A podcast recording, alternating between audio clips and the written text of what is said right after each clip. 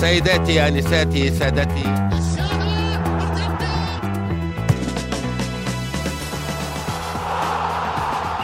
السلام عليكم ورحمة الله وبركاته. حياكم الله في حلقة جديدة من بودكاست مرتدة الذي يأتيكم من شركة ثمانية للنشر والتوزيع. هذه الحلقة تأتيكم بعد نهائي كأس الملك اللي جمع ما بين الهلال والوحدة وتوج فيه الهلال ببطولته رقم 66 لقب كأس الملك العاشر بالنسبة للهلال.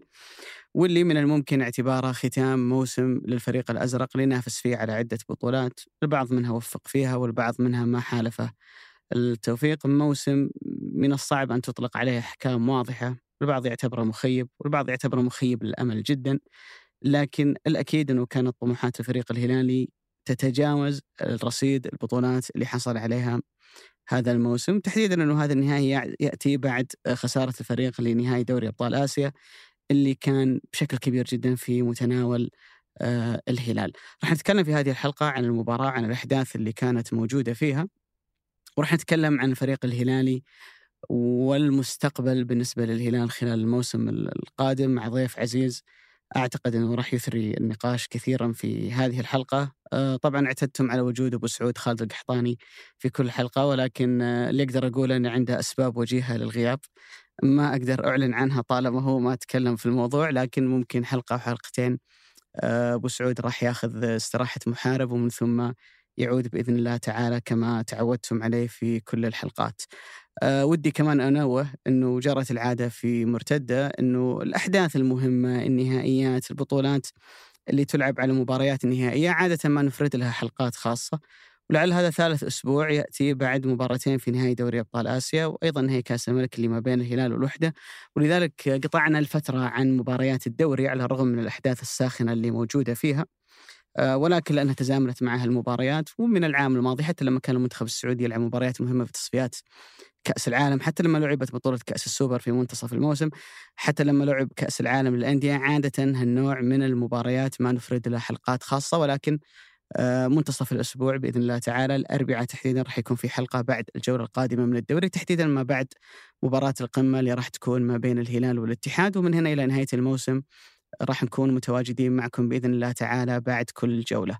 طولت في المقدمة، طولت ما ارحب بالاسم المرافق لي في هذه الحلقة العزيز بندر المشرافي. حياك الله يا أبو علي. الله يبقيك يا أبو علي. دائما ضيف شوي ثقيل إذا الناس متعودين على صوتين.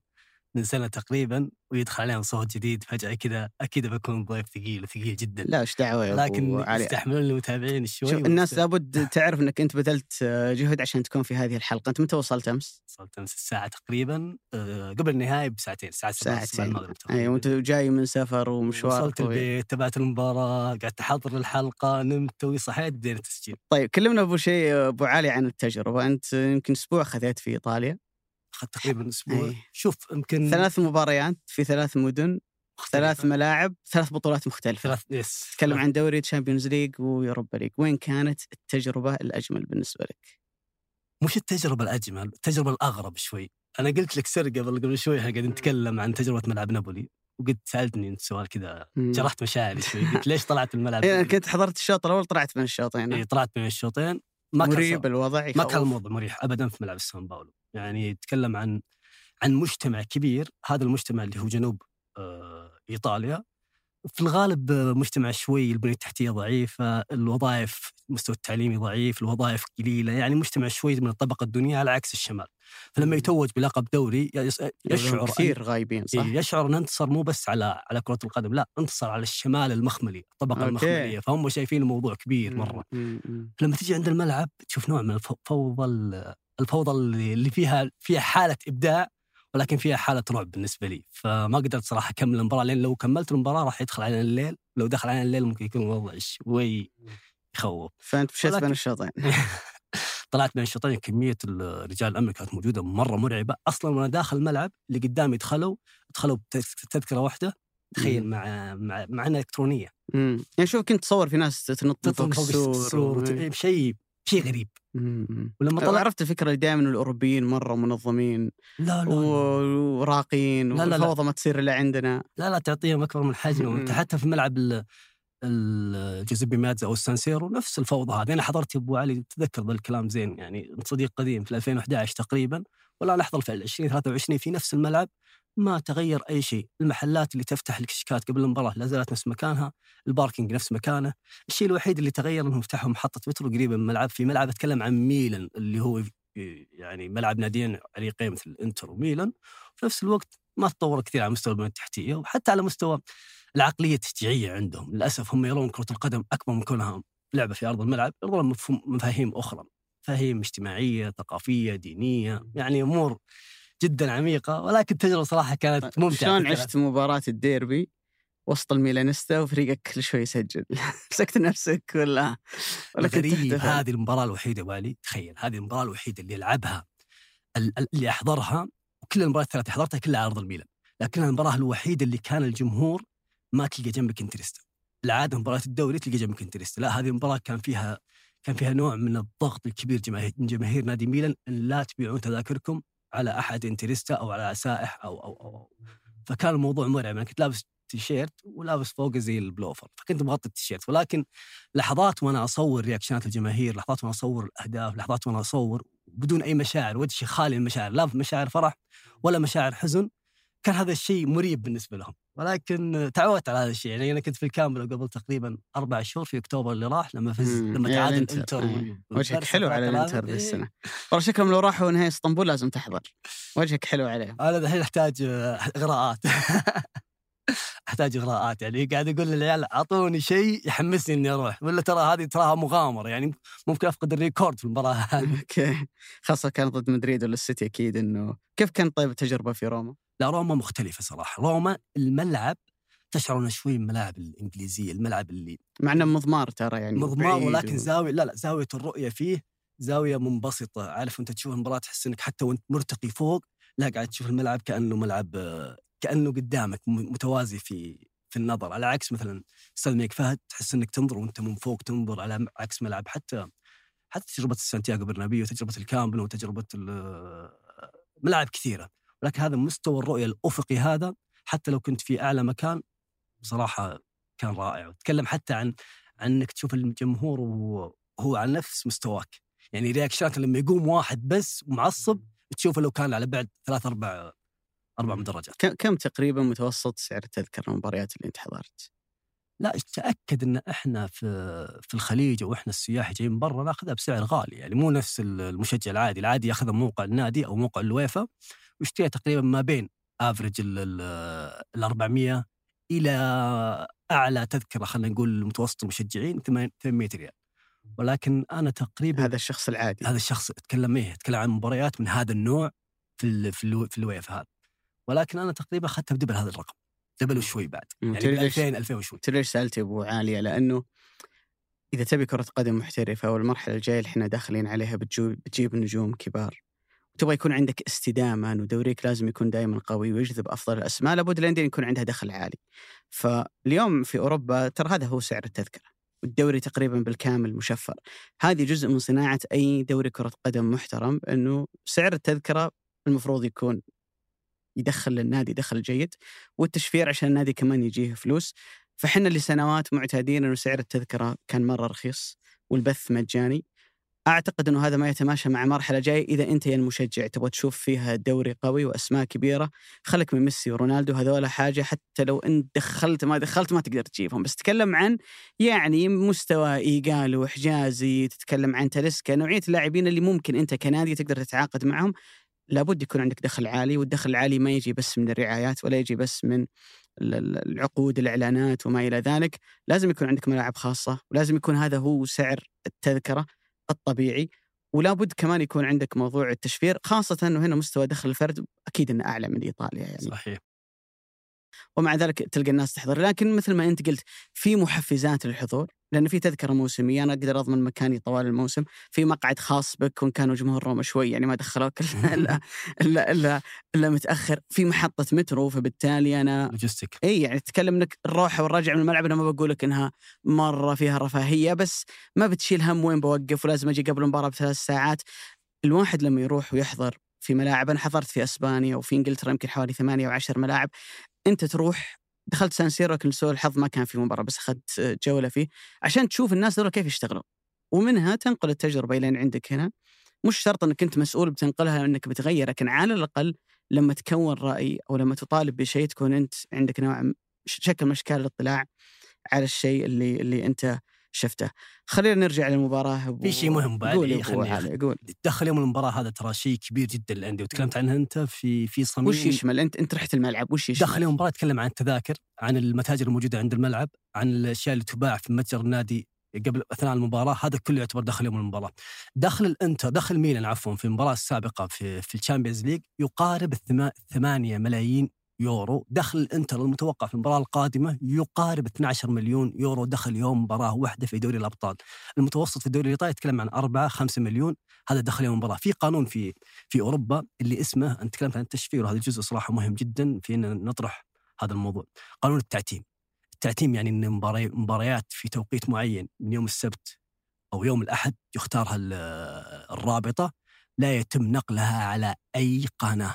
ليش؟ عشان تروح الملعب. عشان تروح الملعب. مو بس دوري الدرجة الأولى والثانية لا كل دوريات الدرجة السفلى سواء من الأولى إلى السابعة عشان تكون دخل إضافي قوي للنادي. تفضل جميل. أبو جميل أبو علي. خلينا نرجع لمباراه كأس الملك نهائي المباراة الماراثونية اللي امتدت إلى ركلات الترجيح حتى ركلات الترجيح هي في ذاتها. آه، كانت ماراثونية. ألف مبروك للهلال. آه، في نهاية الأمر الفوز التتويج هو حاجة جدا مهمة يقدر الهلال على الأقل ينهي موسمه. بشيء إيجابي بعد ال- اللي حصل. آه، لا سيما إنها جت بعد فقدان الفريق لبطولة الدوري يعني بنسبة كبيرة وخسارته لنهائي دوري آه، أبطال آسيا. ولكن أعتقد إنه مباراة الأمس تركت الكثير من التساؤلات والشكوك عند جمهور الهلال عن المرحلة القادمة اللي بنتكلم فيها بكثير من ال- التفصيل. تعرف ما قبل المباراة وحتى نهائي دوري أبطال آسيا تم تداول سجل رامون دياز في المباريات النهائية وانه مدرب يعني لا يوفق كثيرا في المباريات النهائية وبأمانة اللي شاف التشكيلة اللي بدأ فيها وكثير من القرارات اللي أخذها في المباراة يفهم ليش دياز عنده هذا الريكورد السيء في النهائيات لأنك تشعر إنه لما يجي النهائي يبدأ دياز ياخذ قرارات كذا أنا أحس إنه في المباريات العادية ما ياخذها. وخلينا نرجع شوي لنهائي دوري أبطال آسيا، مباراة الذهاب اللي أنت ما أنت مضطر إنك تخلصها بثلاثة أربعة صفر، تقدر تطلع بأي نتيجة إيجابية، واحد صفر، اثنين واحد، تحاول إنك مثلا ما تستقبل هدف 2 0 تروح تلعب مباراة سهلة وأنت مسترخي في سايتاما، لا دخلت بأقوى تشكيلة عندك هجوميا، يا أخلص المباراة 2 0 3 0 يا بكون في أزمة. ما سجلت وصارت الأزمة وانتهت المباراة واحد واحد. رحت لمباراة الإياب تقدر واحد صفر يخلص لك المباراة، اخترت إنك تضغط من بداية المباراة، قدم الهلال 25 دقيقة مثالية جدا، أتذكر إن على الدقيقة 24 أوراوا جت لهم ركنية، دخلت على SofaScore أشوف الإحصائيات كل احصائيات أوراوا الهجومية صفر. 24 دقيقة أوراوا ما قدر إنه يتنفس. وش اللي صار بعدها؟ أوراوا ركب المباراة انهى الشوط الأول بشكل جيد وسجل عليك هدف في بداية شوط المباراة الثاني وخلصت المباراة، هذه كلها أشياء تتعلق ب شلون تدير مباراة على مستوى التشكيلة وعلى مستوى توزيع فترات ال- الضغط على اللاعبين من حيث الضغط العالي وتوزيع المجهود في المباراة. وأنت جاي من 120 دقيقة ضد الاتحاد وجاي قبلها من المباراة ضد النصر. آه، فتحتاج إنك توزع الجهد على اللاعبين. تأخذها مع مباراة ال- الوحدة. أعتقد إنه كمان دياز كان عنده قرارات يعني صراحة مش مفهومة في المباراة. في المباراتين في دوري نهائي دوري أبطال آسيا كلنا نعرف إنه عبد الله عطيف ومحمد البريك مؤخرا في اسوء مستوياتهم ال- ما يقدر يلعب 90 دقيقة، يعني أنت لما تنزله في التشكيلة الأساسية معناتها الاثنين ذولا هم تغييرات بالنسبة لك. في اثنين من التغييرات الخمسة اللي أنت بتسويها لازم تطلع هذا وهذا لأنه ما يقدر يكمل 90 دقيقة، وهو ما حدث انه بين الشوطين طلع عبد الله عطيف، طلع محمد البريك وطلع معاهم محمد كنو اللي قاعد يمر بفترة سيئة جدا.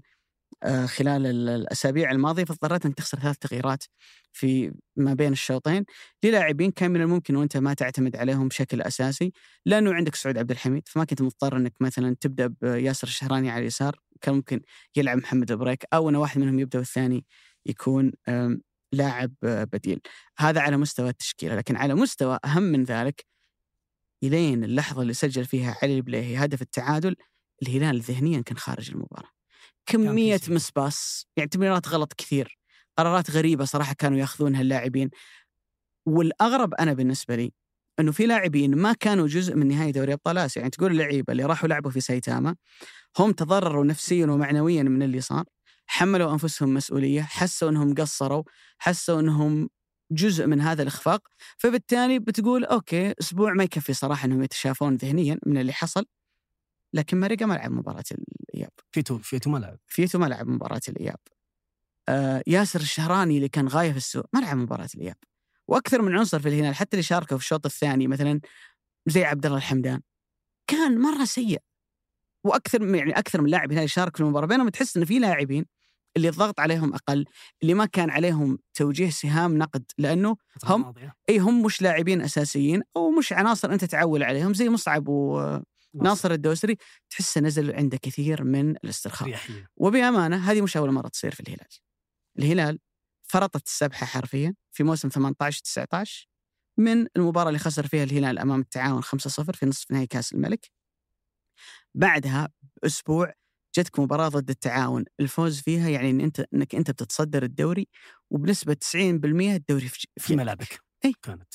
كانت والمفروض ان إي المفروض إنه أنت عندك حافز. بعد خسارة من من النصر بالضبط يعني يعني رجعت الأمور لمصلحتك. لما فاز الاتحاد على النصر في 3 2 المباراه اللي ذكر كانت في استاد الملك فهد. لكنك ما قدرت تتشافى ذهنيا من اللي صار في في هالمباراة. وهذه صراحة ما تلاحظ ان هذا كان من من سيارة انه كيف يتعامل مع مثل هذه المباريات؟ يعني لا اللي لاحظه أبو علي انها صارت كثير مع الهلال. هو عارف إن الهلال ذهنيا مش حاضر. الر- الريكفري للاعبين صعب يكون أو أو ذهنيا الفريق مو جاهز هذه المباراة. فهو في بداية المباراة أو مع بداية المباراة سوى الشيء اللي ما كان أحد متوقع، الناس كانت متوقع إن الهلال راح راح يستحوذ يخلق فرص يفرض أسلوبه يكون هو هو الجانب المسيطر الوحدة راح يعتمد على المرتدات على السرعات على على الكور الثابتة. ولكن سيارة فاجأ الكل إنه هو اللي استلم زمام الأمور هو اللي كان كان يحاول يستحوذ هو اللي كان يحاول يخلق الفرص هو اللي حاول يخنق الهلال أكثر ويطلع أكثر وأكثر عن المباراة. هذا هذه جزئية صراحة مهمة جدا اشتغل عليها السيره تحديدا في مباراة الأمس. أنا ممكن الشيء اللي اللي زعلني حقيقة في الهلال الفترة الماضية هي الكرة الثابتة وعدم الاستفادة منها علي. يعني لا مش عدم الاستفادة منها. نتكلم حتى عن إنها مشكلة عندك على مستوى إنها تستقبل كثير من الأهداف من خلال الكرة الثابتة. في في نهاية سايتاما الهدف اللي استقبله الهلال كان من كرة ثابتة في مباريات كثيرة الهلال على مستوى القاريه وحتى على المستوى المحلي كان يخسر بالكره الثابته وفي مباريات كثيرة الهلال لا يستغل هذه المواقف الثابتة يعني أمس أنا احصائيا جالس أشوف الأرقام أعتقد 16 أو 15 ركنية للهلال ما استغل منها ولا كرة ثابتة. في الجانب الآخر دخول مصعب وناصر الدوسري كنا نتكلم عنه اللي هو اللاعب الشاب اللي داخل باريحيه مرتاح ما عليه ذاك الضغط الكبير. أنا ممكن اخذها لجزئيه ثانية. الهلال في الفترة الماضية كل ما هبط أو كل ما تأثرت نتائجه تلقى الخلل غالبا في خط الوسط. يا تلقى يا تلقى فرج مصاب وغايب يا تلقى ما ما في ذاك اللاعب أو جودة اللاعب الخلاق في وسط الملعب أول ما وصل لدياز وتذكر هذا زين الفترة الماضية اللي هو الموسم الماضي صنع من كاريو لاعب خط وسط بمزايا خلينا نقول فردية عالية و creative يعني لاعب إبداعي في خط الوسط وغي وعوض شوي من غياب أو من تأثر مستوى الفرج من غياب الفرج في الفترة الماضية.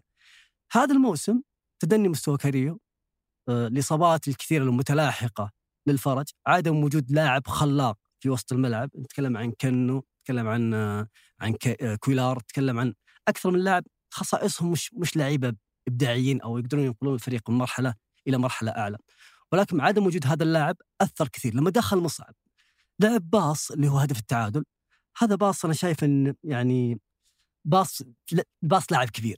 يذكرني pass تشافي في في برشلونة ال pre ال pre يسمونه ال pre-assist اللي اللي يعتبر أنا اشوفها هذا هذا ال assist. هذه دائما تظلم الإحصائيات والأرقام. لما يقول لك اللاعب هذا كم سجل اللاعب هذا كم صنع اللاعب اللي سوى ال pre-assist إيه، هذه في الإحصائيات مجرد تمريرة صحيحة بس. زي ال center. شفت ال center اللي دفها للي جنبك؟ هذه آه، تمريرة صحيحة وهذه تمريرة صحيحة. ففي في ال pre. شوف ال pre assist جدا عبقري. كيف تلعب هذا ال pass في نهاية؟ وصحيح ترى ترى مصعب في نفس جو المباراة نفسه مر بأكثر من ظرف مختلف. في ضربة الجزاء على سبيل المثال لما ضيع ضربة الجزاء وانت نازل ومسوي ال pre-assist هذا هو يعرف إنه جالس يقدم مستوى كويس حتى حتى عنده تسديدة جيدة على صد لها الحارس يعني مجمل المباراة كان جيد. فجي تجي ضربة الجزاء وهو لاعب شاب وتعطيه ينفذ ضربة الجزاء ويضيعها ذهنيا اللاعبين الكبار يضيعون بعد ضربة جزاء مثل كذا. ولكن مصعب طول المباراة ما ضاع. وهذا رجعني نقطه أخرى نقطة ضربات الجزاء اللي هي جالس يعاني منها هذا الموسم تحديدا وخلينا نقول من نهائي مباراة الفيحة ال- ال- العام الماضي النهائي اللي خسره الهلال بضربات الترجيح. بعد ذاك النهائي اللي خسره الهلال بضربات الترجيح هذا الموسم تقريبا إحنا نتكلم عن عن أربع منفذين استلموا زمام التنفيذ الأساسي في الهلال. بداية الموسم كان إيجالو هو المنفذ الأساسي بعد ما ضيع ضد الشباب بعد ما ضيع ضد الباطن تغير إلى سالم الدوسري، سالم الدوسري هو المنفذ الأساسي. الين الين أن اضاع ركله جزاء ضد الفيحة في السوب في نصف نهائي السوبر. وبعدها تحول منفذ ضربات الجزاء إلى كنو وشات كم ضربة جزاء في كأس العالم للأندية وفي أكثر من مناسبة. بعدها شات الجوير الركلة الأخيرة اللي كانت ضد ضد النادي المغربي في كأس العالم الوداد الوداد نادي الوداد. شات الركلة الأخيرة. ثم فجأة في نهائي اليوم أشوفه هو. هو المنفذ الأساسي في ظل تواجد لاعبين بتجارب مختلفة لاعبين خبرة. تكلم عن إيجالو في آخر ثلاث ضربات جزاء نفذها أو حصل عليها الهلال هو اللي كان يشوتها يعني ضد النصر. بلنتيين. في بلنتي ثالث أيضا ماني ماني ذاكر النادي مدري أبو علي تذكرني فيه. أه أتوقع قبل مباراتين وكان هو اللي شات البلنتي. فجأة في النهاية يجد نفسه يجد مصعب الجوير نفسه هو من ينفذ. عنده اللعيبة الكبار ذولي وفي وفي عز الأزمة اللي يعاني منها الهلال خسران نهائي آسيا راجع من المباراه الدقائق الأخيرة والضغط الجماهيري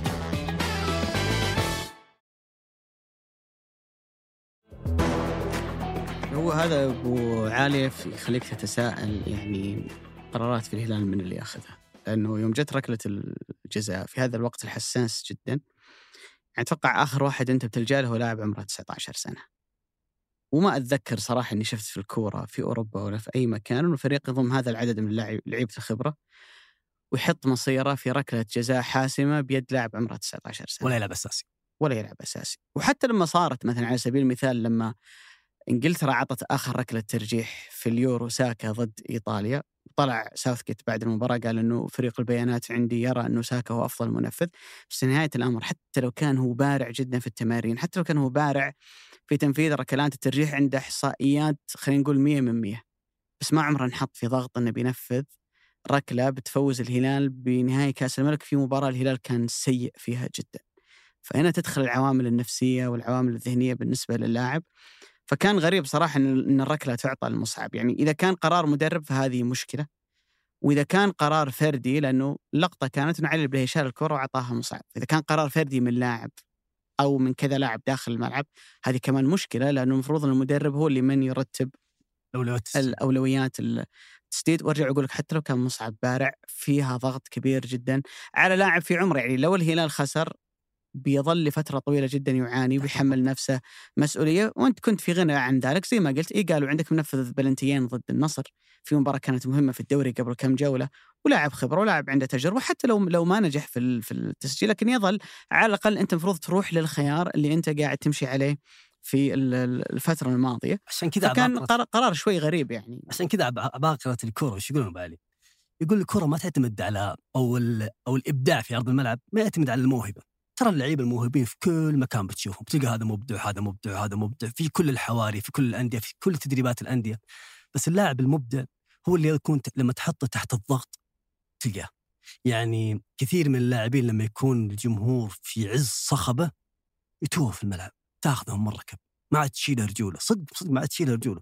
وبعضهم يخاف بعضهم تصير قراراتها خاطئة. بعضهم يكون يكون حالة الثقة اللي هو فيها مش مش نفسها حالة الثقة اللي فيها اللاعب الآخر. يعني عشان كذا زيدان من من اساطيره أو من من ثلاث من من أساتذة كرة القدم لين تحت الضغط وبرا الضغط وفي التدريب وفي البيت نفس الأداء نفس المستوى نفس الكلام المسترخي يعني. جدا نفس الكلام على يعني غالبا ترى اللعيبة الكبار تحس إنه لا يوجد شيء في كرة القدم ممكن يخليه يطلع عن حالة الهدوء والاسترخاء اللي هو فيها. يضغط عليه لاعبين ثلاثة يقدر يطلع بالكرة من تحت الضغط يلعب في ملعب جمهور عدائي يلعب على أرضه برا ملعبه. في كل الحالات هو قادر إنه يعزل نفسه قدر المستطاع إنه ما يقدر يعزل نفسه 100% عن الضغوطات اللي الفترات اللي يكون فيها اللي, اللي كانت موجودة. وأنا أتفق معك في جانب الشخصية لأنه اليوم لو تحاول تسترجع مثلا كؤوس العالم للشباب تلاحظ إنه مين أفضل مثلا أتذكر كأس العالم اللي خذ فيها فالفيردي ثاني أفضل لاعب في البطولة. الأول كان سولانكي كان أعتقد في تشيلسي بعدين راح ليفربول وكان موهبة الإنجليز يتكلمون عنها. اليوم سولانكي يلعب في بورموث لاعب عادي جدا ولا هو سولانكي اللي أول. فكونك إنك أنت بارز في عمر 19 20 سنة مش بالضرورة إنك بتكمل لأنه هنا أنت بتنحط تحت الضغط. وهذا الكلام هو اللي يقودنا للحديث عن مصعب اللي كان واحد من أهم اللاعبين اللي موجودين في المباراة. لقطة الهدف اللي سجلها الهلال أنا أقول لك ممكن وأتمنى إن رأيي إن رأيي يكون غلط. هو أصلا مش رايي بس أنا أقول افتراضي يكون غلط. إنه ترى ممكن إن مصعب مستقبلا في مسيرته ممكن ما تكمل يكون حاجة مرة مهمة. لأنه مرة على الهلال البدايات عرفت اللي تعطيك الانطباع المبهر إنه هذا حاجة عظيمة للهلال. حسينا فيها مع أحمد الفريدي حسينا فيها مع عبد العزيز الدوسري حسينا فيها مع أكثر من عنصر لكن ما كملوا. يمكن سالم هو الوحيد هو سلمان اللي كملوا. فأنت لست بمنأى عن إنك من الممكن ترى إنك ما تكمل لابد إنك تتعب وتشتغل على نفسك كثير. ولكن يا أخي في شيء في الفئات السنية اللي الهلال يتربون عليه اللاعبين إنه تحس إن دي ان اي الهلال إنه أنت لما تجي إلى اللحظة الحاسمة ما ينفع تتصرف بالشكل الطبيعي. يعني مثلا مصعب في الكورة كرة الهدف. يعني الهدف في في يعني لقطتين يعني واحدة من مصعب واحدة من ناصر الدوسري.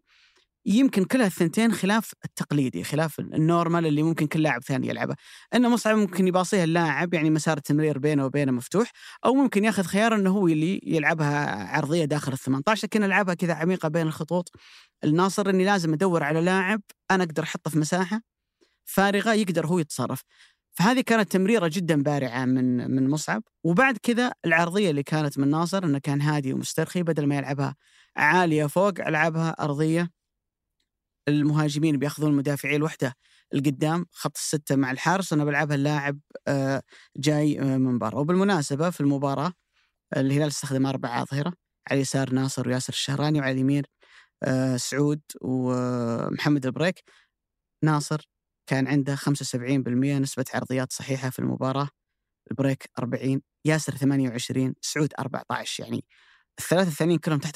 تحت ال 50% يعني عرضياتهم الغلط أكثر من عرضياتهم الصح بينما ناصر كورة واحدة بس أعتقد اللي غلط فيها في المباراة والباقي كان كله صح. فيدلك إنه هو نازل هو مركز هو نازل والضغط عليه آه، أقل لازم يشتغلون على أنفسهم، مش معناته اليوم إنك أنت مستقبل الهلال والهلال سيبنى عليك في المرحله القادمة، أنت عندك البذرة، عندك الحاجة اللي الهلال ينميها في لاعبين لما يكونون صغار إنه أنت لازم تتحمل مسؤولية.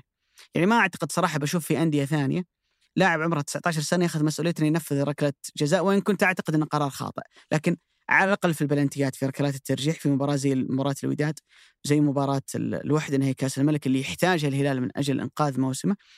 قليل لعيبه عمرهم 19 سنة بياخذ الريسك والمسؤولية في وجود كل هاللاعبين اللي عندهم تجارب. برضه هو مش لاعب أساسي يعني هو لو تقول 19 سنة وموهبة وال... وال... وال... والزخم محطوط عليه مثل فودن مثل ساكا مثل كثير من اللاعبين. أنا أقول لك هنا أنت. أنت انحطيت تحت الضغط وقيم نفسك. أنجو بذاتك هو هو, هو الجميل فيه أبو عاليه إنه الفرص اللي ياخذها في بينها فارق زمني يعني أنا أفهم إنه لاعب مثلا خلينا نقول زي جافي في برشلونة. بدأ يلعب أساسي ثم استمر يلعب أساسي. يعني في تتالي في عدد المباريات اللي هو يلعبها فيقدر إنه يحافظ على نفس المستوى أو إنه حتى يتطور. لكن مصعب في الهلال يعطونا مباراة مباراتين بسبب الظروف الإصابات زي اللي صار مثلا في كأس العالم للأندية ثم يغيب لفترة ثم يعطى فرصة ثم يغيب لفترة ثم هذه ترى تضر اللاعب. ومع ذلك في كل مرة كان يلجأ إليه الهلال كان يعطي بشكل جيد. ولكن أنا بقول حاجة لمصعب في معظم المباريات اللي أنت نزلت فيها وكنت جيد كنت تنزل والفريق الثاني بدنيا طايح. فأنت هنا تقدر تعطي لأنك أنت فريش لأنك قادر إنك تفرق عن الفريق المقابل بدنيا باللمسة بالمهارة.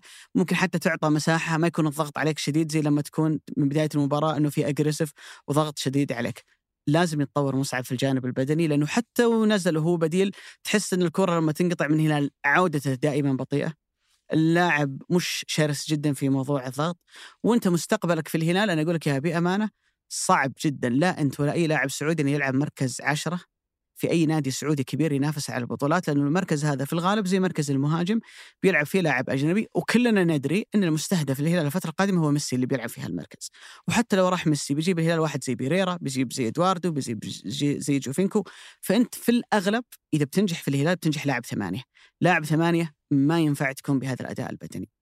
أنت عندك البذرة عندك العقلية عندك الشخصية بس أرجوك اشتغل كثير على الجانب البدني.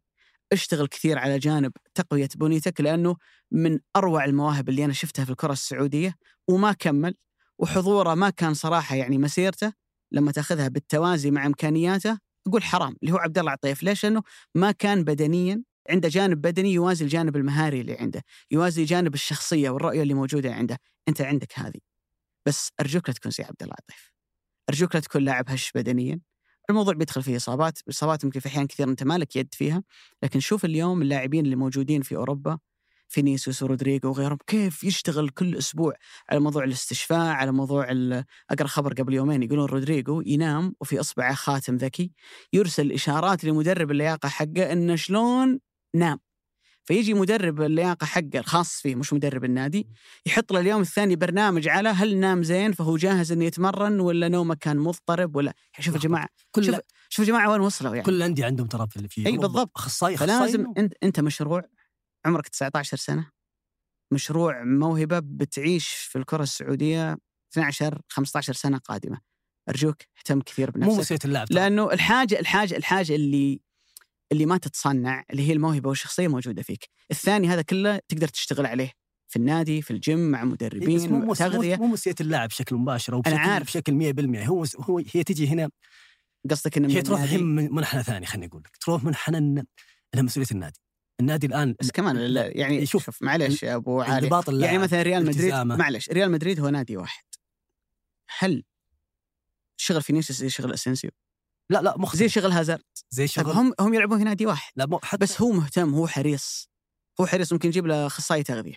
ممكن يجيب له مدرب لياقة خاص عنده في البيت. يتمرن تمارين برا برا ال- النادي. فالموضوع مو بكله ترى على النادي. صحيح بس الجانب الآخر هو جانب النادي. كيف تخلق هذا النوع من من التدريبات ومن الاهتمام بلاعبينك؟ وكيف اللاعب بعد يكون عنده الحافز الاستمرارية إنه إنه يكون في في هذا ال level من المستوى؟ يعني كريم بنزيما عنده مدرب بال بالاجهزه بالاستشعارات يسمونها الكهربائية يتمرن فيها. تساوي تقريبا نص ساعة تدريب فيها تساوي أربع ساعات تدريب في في الجيم العادي.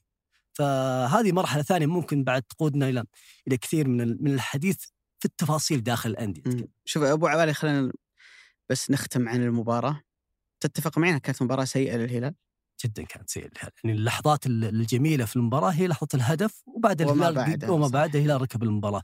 حتى غير- غير- غير كذا غير كذا أنا شفت صلاح الوحدة استحق نتيجة حقيقة أفضل من أفضل مما حصل عليه. يعني حقيقة مجريات المباراة من بدايتها لنهايتها كان يستحق انه يفوز بكأس الملك. أنا أظن إنه إلين اللحظة اللي سجل فيها علي بلاي هدف التعادل هذه أسوأ 90 دقيقة لعبها الهلال منذ مباراة التعاون 5-0 في نصف نهائي كأس الملك قبل خمس سنوات. طيلة الخمس سنوات هذه أنا ما شفت الهلال سيء بل إنه كارثي عاجز. في مباراة زي اللي صار في آه، مباراة الوحدة. ولكن ما بعد الهدف تحس إن كل الضغط اللي على اللاعبين إنه خلاص جاهم شعور إنه الوحدة ما حيقدر يكمل بدنيا في اللي هو عمله خلال 90 دقيقة وإن المباراة في يدنا. وعلى الرغم من ذلك الهلال حط مصيره بيد إنه يكون ركلات ترجيح كان من الممكن تروح للوحدة وأنا صراحة لابد إن الواحد إنه يشيد بالشيء العظيم اللي عمله عبد الله المعيوف وهذه مو أول مرة يعني في كل مرة ينحط الهلال في موقف إنه يلعب ركلات ترجيح عبد الله معيوف دائما ما يكون له تأثير. وحتى في المرات اللي كان يخسر الهلال زي إمام الفيحاء العام الماضي لأن عندك سوء تنفيذ من اللاعبين. ولا عبد الله يصد لك واحدة ثنتين هذا ترى الطبيعي اللي يسويه أي حارس مرمى. لكن بعد كذا يجي دور اللعيبة المنفذين وهذه مشكلة كبيرة في الهلال. ولكن ما شاء الله تبارك الله الحضور الذهني عند عبد الله آه، جدا جميل. يمكن شفنا السنة هذه في كأس الملك الاتحاد والفيحاء قروهي قاروره الموية اللي كان مرسوم عليها اللاعبين اللي ينفذون. آه عبد الله المعيوف هو يقول لك العلم في الرأس مو في كل الرأس. يعني تحس إنه هو يحلل اللاعب أما إنه حافظهم كلهم فما يحتاج تذكير أو إنه يحلل في لحظة التنفيذ كل لاعب وين بيروح وين وتحمل مسؤولية إنه هو يسدد الركلة الأخيرة. في مباراة غاب عنها يعني قائد الفريق اللي هو سلمان الفرج أعتقد إنه لقطة الختام إنه هو اللي يستلم الكاس هو اللي يرفعه تتويج صراحة ل لمسيرته بشكل عام. المسيرته واللي سواه تحديدا في هالمباراة وهالموسم وهالفترة اللي عبد الله قاعد يتألق فيها آه، بشكل رائع جدا بس في اسم مفقود أمس أبو. اي أنا ما شفته والله. ما شفته ابدا سالم آه، ما كان لا موجود لا في لا في اثناء التتويج ولا حتى في ما سافر مع الفريق أعتقد انه في غالب الظن كنت- مع. الفريق و- ولا ولا ولا أصدر الهلال أي بيان أو أي أي خبر بخصوص اللاعب يعني يعني, والعادي يعني عادة إن الأندية تعلن العقوبة يقول لك والله اللاعب هذا معاقب. أنا بالنسبة لي تحليلي إن سالم معاقب. هو في غالب حتى لو حتى مثلا طلعت أخبار إنه عنده نزلة معنوية. معنوية نزلة معنوية. أتوقع إنه معنوية كمان يعني. يا رجل سلمان الفرج طلع الطيارة وصعد المنصة بعكاز بجبيره في رجله يعني. وش ذا النزلة المعويه اللي ما تقدر تسافر مع الفريق وحتى لو أنت تعبان اليوم الثاني تقدر تركب طيارة وتجي يعني. لكن أعتقد إن قيل لسالم يعني قراءتي للمرشد مش خبر ولا معلومة إنه قيل لسالم أقعد في الرياض. لا تجي. لا تجي. هذه ترى اللي- يعني سالم لازم يحس فيها. الهلال يسويها ترى. الهلال يسويها. مو الا مرة الهلال الهلال يعاقب فيها نجم الفريق. يعني عاقب بيريرا في فترة كان الهلال في أمس الحاجة لبيريرا. عاقب شرحيلي الحارس في فترة في في أعتقد إنها نهائي كأس آسيا لما لعب ستيريو أعتقد. ماني ذاكر. المرحلة 2014. الف- بس عاقب أو عاقب الهلال نفسه واستبعد شرحيلي وهو في أمس الحاجة له وهذا يعطيك شعور عند اللاعب إنك مهما كانت قيمتك كلاعب مهما كانت مكانتك وتأثيرك في الفريق ترى أنت في النهاية جزء من منظومة وهذا الصح وهذا هذا الشيء ترى بدأ يصير قوي جدا في الأندية في السنوات الأخيرة ليه؟ لأن عندك الآن سبع ثمان لاعبين أجانب. على عكس السابق أنت مجبور ومحدود علي كلاعب محلي فأنت لازم تعاملني معاملة خاصة وت يعني تطبطب علي على قولتهم. بس أنت الآن في في في لح- رحله تغيير داخل الكره السعودية وفي تقريبا سبع ثمان أجانب أنا في النهاية ما أحتاج. حتى في كأس آسيا أنت بتلعب بست أجانب في السنوات. القادمة. يعني السنة الجاية بس واللي بعدها عدد مفتوح خلاص. يعني تغير الوضع عن السابق. فأعتقد إنك أو أعتقد اللاعب المحلي لازم يستشعر هذه هذه القيمة ويحس شوي إنك ما أنت بمنأى عن إنك إنك تعاقب إنك آه، إنك لو أخطيت حتصير نفسك نفس أي لاعب آخر. هذا يخلق حالة من التوازن في الأندية. يعني لما يصير لما تصير الدنيا مفلوتة ولاعب عن لاعب سلطة مختلفة لما يكون هذا له تعامل خاص وهذا لا. صحيح النجوم ممكن النجوم الآيكون خلينا نسميهم لك والأساطير ممكن يكون لهم تعامل جزئي خاص. كلام عن ليونيل ميسي برشلونة رونالدو في في ريال مدريد في فترات متفاوته سابقة. ولكن اللعيبه المتقاربين ما أعتقد إنك إنك مختلف عن باقي اللعيبة.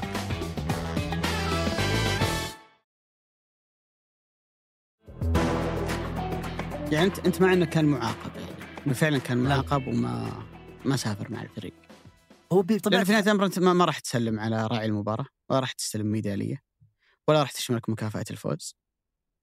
صعبة ترى جدا بالنسبة للاعب إن الفريق يلعب داخل الملعب ويتوج وأنت قاعد في البيت تتفرج عليهم وأنت لا عندك إصابة ولا عندك شيء يمنعك نجم- وأنت من نجم يعني وأنت نجم كورة. أنت نجم الكرة السعودية الفترة الماضية يعني أنت واحد من أبرز اللاعبين في المنتخب. أنت قدمت كأس عالم رائعه جدا مع المنتخب. أنت قدمت حتى في في الدوري الموسم الماضي آه، لمسات يعني استثنائية. أتكلم عن موسم كان فيه تجلى فيه حقيقة سالم الدوسي الموسم الماضي في عدة مراحل من الموسم حتى في تسجيل الأهداف. يعني عدة كثير من الأهداف سجلها سالم الدوسي الموسم الماضي كانت حالة إبداعية نادرة جدا للاعب كرة قدم وأنا قاعد أشوف ذاك الموسم هو الموسم الأكثر ابداعا وتاثيرا لسالم الدوسري في في الهلال في السنوات اللي قضاها. خلي خليني أبدأ باللي لسالم قبل ما أتكلم باللي عليه.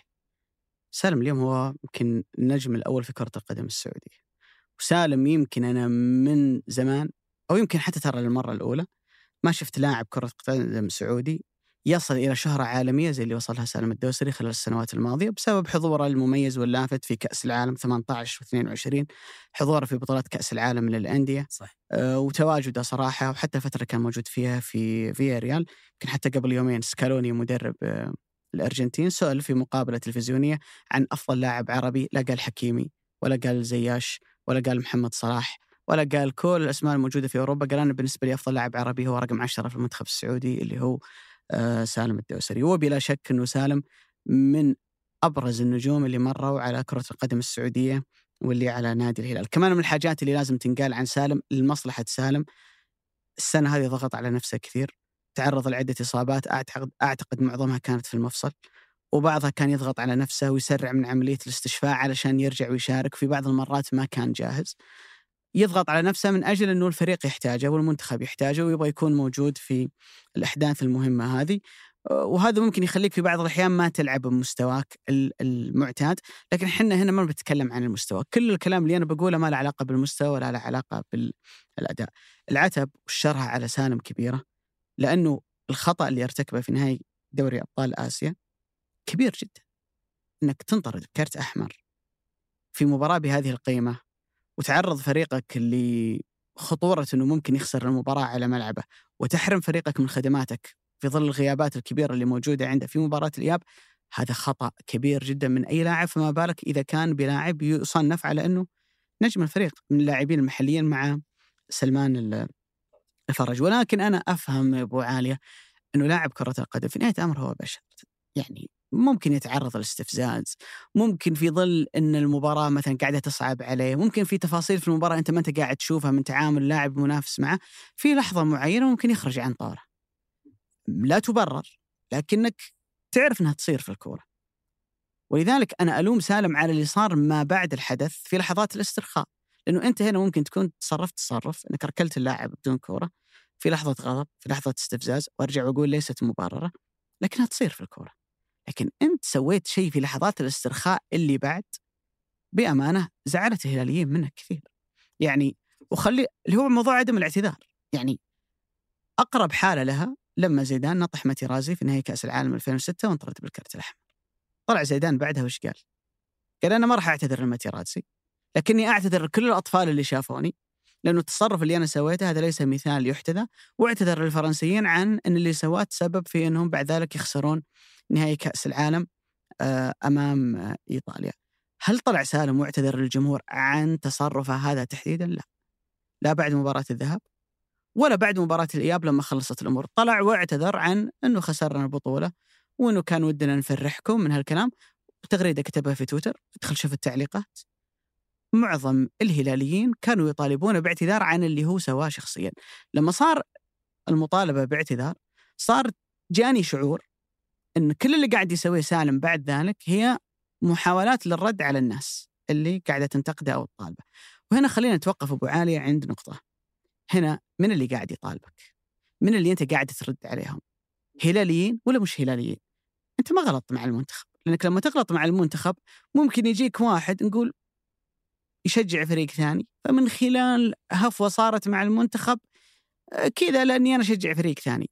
هل تعتقد إنه التصرف اللي سواه سالم أمام أوراوا في النهائي بيزعل مرة المشجع النصراوي ولا الاتحادي ولا الهلاوي؟ ما زعل إلا الهلاليين. وما زعل عليك وعتب عليك إلا الهلاليين. فأنت هنا قاعد ترد على مين؟ قاعد ترد على الجمهور. الجمهور اللي يهتف لك في كل مباراة، الجمهور اللي يدعمك، الجمهور اللي بأمانة أعطى سالم من الحب والتقدير خلال السنوات الماضية كم كبير جدا. في لحظات كثيرة بالضبط. سالم وهنا أبو عالية فيه مسارين مشوا فيها عدد من لاعبي الهلال خلال السنوات الماضية. في منهم مسار أنا أقول لك بأمانة على رأسهم سامي الجابر اللي كل مسيرته كانت علاقته مع الجمهور فيها كثير من الاحترام، فيها كثير من الحب، فيها كثير من التقدير، ولا أعتقد إن في لاعب في رصيده بطولات ونجاحات هو كان مؤثر فيها زي سامي، إذا نتكلم اليوم ان سالم الدوسري عنده اثنين دوري أبطال آسيا مع الهلال، سامي عنده اثنين دوري أبطال آسيا وعنده خمس بطولات آسيوية في المجمل، ما أعتقد في لاعب هلالي مؤثر. جاب الهلال هذا الكم من البطولات وعنده عدد ألقاب فوق ال 20 بطولة مع الهلال. ولا مرة شعرت وأنا من الناس اللي عاصرت مسيرة سامي كلها إن سامي في يوم من الأيام حط نفسه في موقف إنه يرد على الجمهور ولا بالعكس الناس دي ما تنتقدك إلا المحبة. ولما يقول لك إنك أنت أخطيت لأنك أنت ما تقدر ما تقدر تكون صح في كل مرة. فلا بد مثل ما تتقبل المديح أن تتقبل النقد. ولذلك جمهور الهلال الين اليوم يحب سامي. تعرف بيت الشعر اللي يقول ما مر ذكرك إلا وابتسمت له كأنك العيد والباقون أيام. وما يذكر سامي إلا جمهور الهلال يحتفي به.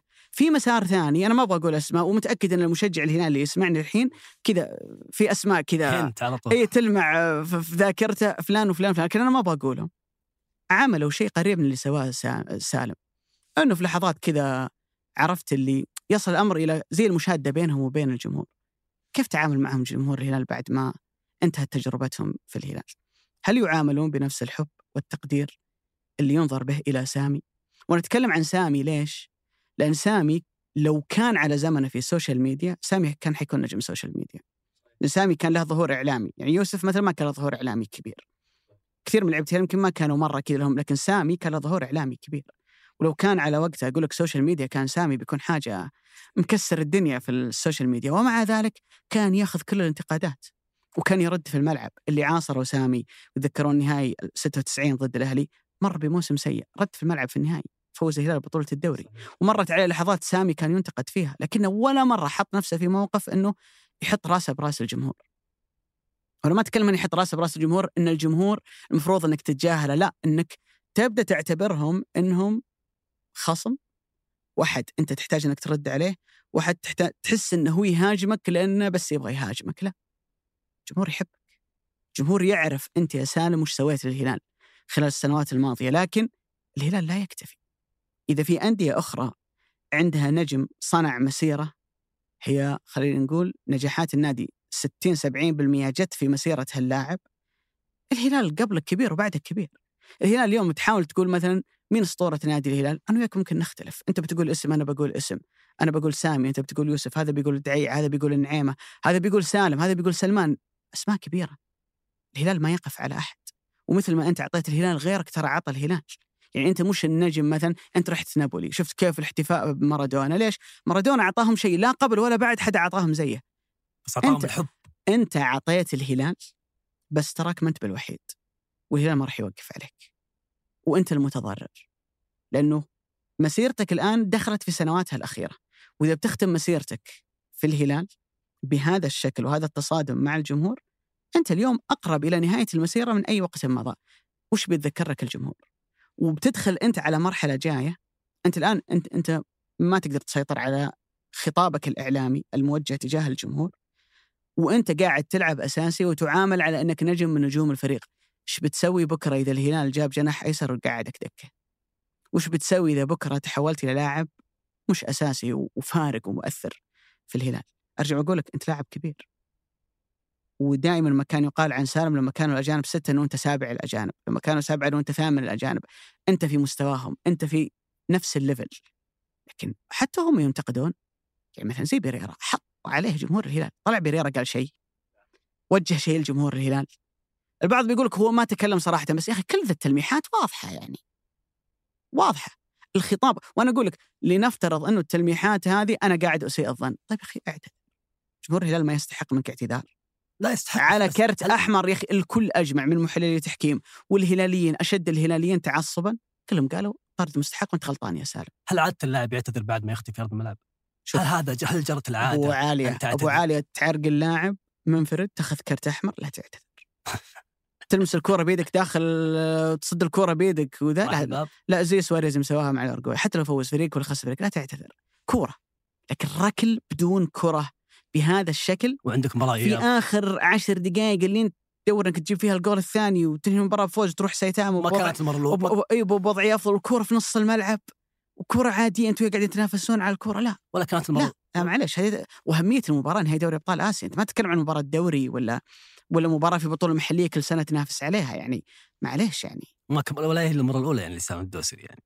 في سايتاما في في 2017 مم. حدثت وفي أكثر من مرة سالم يفقد أحيانا منطرد وسابق منطرد إيه. ضد النصر في النصر يفقد كثير من. وحتى على على موضوع كذا التعاطي مع الجمهور إنه في تصريحات سابقة إنه مو بأي واحد ينتقدني يعني إحنا ما إحنا قاعدين نتبلع على سالم هذا كله تاريخ شوهد ومعروف ومحفوظ وما أعتقد إني أنا الوحيد اللي أعتقد إن كل اللي صار في الفترة الماضية من سالم تجاه جمهور بشكل عام إنه محاولة للرد على اللي ينتقدونه، مين اللي ينتقدونه؟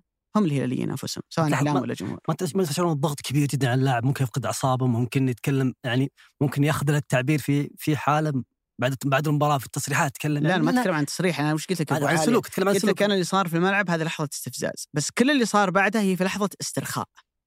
إنك أنت مسترخي. أنت قاعد في البيت وتكتب ذا التغريدة. أنت قاعد في البيت وقررت إنك تنزل ذا السنابة. ما في حد قاعد يضغط عليك. ما أنت في الملعب قاعد تراكض. اللي سواه في الملعب غلط بس ممكن أجد له 1% مبرر إنه في لحظة معينة في جزء من الثانية فلتت أعصابك. بس قا- تويتر عندك. تقدر ترجع بعدها تكتب اعتذار يوم الناس طالبوك باعتذار. فما أعتقد صراحة أنا أقول لك جمهور الهلال ما يستحق منك ذلك. طيب خليني بروح لك يا أبو علي. الجزئية ثانية ممكن تكون امتداد للكلام اللي قاعد نتكلم عنه عن سالم الدوسري عن اللعيبة الموجودين في في الهلال عن المرحلة القادمة للهلال. التجديد اللي يمر فيها الهلال في الفترة القادمة أعتقد إنه راح يكون كبير جدا راح يشمل لاعبين محليين وأجانب. المدرب التاريخي ممكن تعرفه مشهور عنه لعنة جوتمان المدرب جوتمان مدرب من نادي بنفيكا اللي حقق معهم بطولات أوروبية ولما غادرهم قال انت حققوا بطولة أوروبية بعدي وما عاد حققوا. فعلا ما عاد حصل. حصل ده. قال كلمة وهي الآن بمثابة آه، عنوان رئيسي في العديد من الجامعات في في إنجلترا وفي كل الدول الأوروبية اللي هي دورة حياة الأندية الكبيرة. كم هو مقدار دورة حياة الأندية الكبيرة؟ قال دورة حياة الأندية الكبيرة ثلاث سنوات بعد ذلك أنت تحتاج لأن تغير 50% من الفريق. ليش تغير 50% من الفريق؟ الأجواء، الملل، آه، الجو العام في الفريق يتغير، الحافز يتغير مع دخول 50% لاعبين جدد خلال ثلاث سنوات. هذا الشيء يتكلم عنه مايكل فيليبس الرياضي الأنجح على مستوى الألعاب السباح الأمريكي الشهير والرياضي الأنجح على مستوى الألعاب الأولمبية والأكثر تحقيقا الميداليات الذهبية. وقال عن قال نظرية اسمها نظرية الاكتئاب ما بعد النجاح أو الاكتئاب ما بعد تحقيق منجز معين وأن اللاعب يمر بأدنى مراحله النفسية بعد ما يحقق منجز كبير أو بعد ما يحقق لقب قاري أو يعني هذا اللقب. وصعب تكرر الإنجاز مرة ثانية. يعني ترى لما تشوف ال Premier League في ال Champions League على سبيل المثال من النادي الوحيد اللي قدر يكرر الإنجاز في في الفترة في في البطولة نفسها الحديثة. ما كرر إلا ريال مدريد فقط. باقي الأندية تقريبا تتكلم عن 35 سنة ما قد أحد قدر يكرر الإنجاز. في ال Premier League على سبيل المثال نادر جدا تلقى نادي حقق اللقب مرتين متتالية في السنوات في السنوات ال 35 الماضية وفي كثير من البطولات قس عليها. فكر الإنجاز يعتبر صعب. بيب تحدث عن هذا الشيء ترى في هذا الموسم تحديدا وقال في إيه فعلا قال وقال أنا كمدرب لما أشوف خيسوس في في أرسنال كان يلعب الموسم الماضي وأشوف سيتشينكو في الأرسنال كان يلعب الموسم الماضي حافز انهم يبون يحققون دوري لأرسنال أكبر منها ما كانوا يلعبون معي ليه؟ لأنهم فاقدين لهذا اللقب مع مع مع البيئة عرفت أبو علي البيئة أنت الناس اللي حواليك اللي قاعد تلعب معهم كلهم متعطشين ساكا وديكارت أنت بتخش في الجو طيب كيف تحل هذه المشكلة يا أبو علي؟ بيب جوارديولا في سنه الراحل اللي بعد ما فاز بالألقاب التاريخية مع مع برشلونة. راح لأمريكا كان جالس يسوي relaxation ومريح هناك. قابل بطل الشطرنج كاسباروف. لما قابله دار بينهم نقاش عن هذه الوضعيه سأله بيب جوارديولا قال له من أنجح لاعب شطرنج بتشوفه في المستقبل؟ قال لك كارلسون هو أنجح لاعب. قال كيف عرفت إنه كارلسون؟ قال لي انه جاني هنا وتدرب معي وسألني بعض الأسئلة وأنا حاسس انه بيكون نجم المستقبل. لاعب لاعب صغير شاب يعني عمره حتى صغير وذكي مرة. قال له بيب هل تقدر تهزمه؟ بحكم انه جاك يتدرب عندك؟ لعبه الشطرنج ما فيها جهد بدني ما تركيز و... صح. وطاولة في النهاية. قال له عندي الأدوات إني أهزمه ولكن من المستحيل أفعل ذلك. أوف. هذا خلى كذا جوارديولا وقتها في الجلسه حن عليه. لا يبغى ليش طيب؟ يبغى يعرف هو الحين لأن هذه الإجابة هي اللي راح تفيده في في مستقبله في كرة القدم. أنا ماخذ سنة راحة أبغى أفهم. قال له عاد السؤال عليه. قال كيف عندك الأدوات بس مستحيل تفوز عليه؟ كان في طاولة العشاء ذي زوجة كاسبروف موجودة قالت زوجي ما يقدر يلعب 15 16 17 ساعة بحافز وتركيز وحضور ذهني عشان يفوز لو الشطرنج لعبة ثلاث أربع ساعات أنا بفوز وعندي القدرة إني أفوز وأقدر أفوز وهذا يجيك عند عند جانب الحضور الذهني عند اللاعبين وكيف إنك تخلق هذا النوع من الحافز في هذه المجموعة من اللاعبين.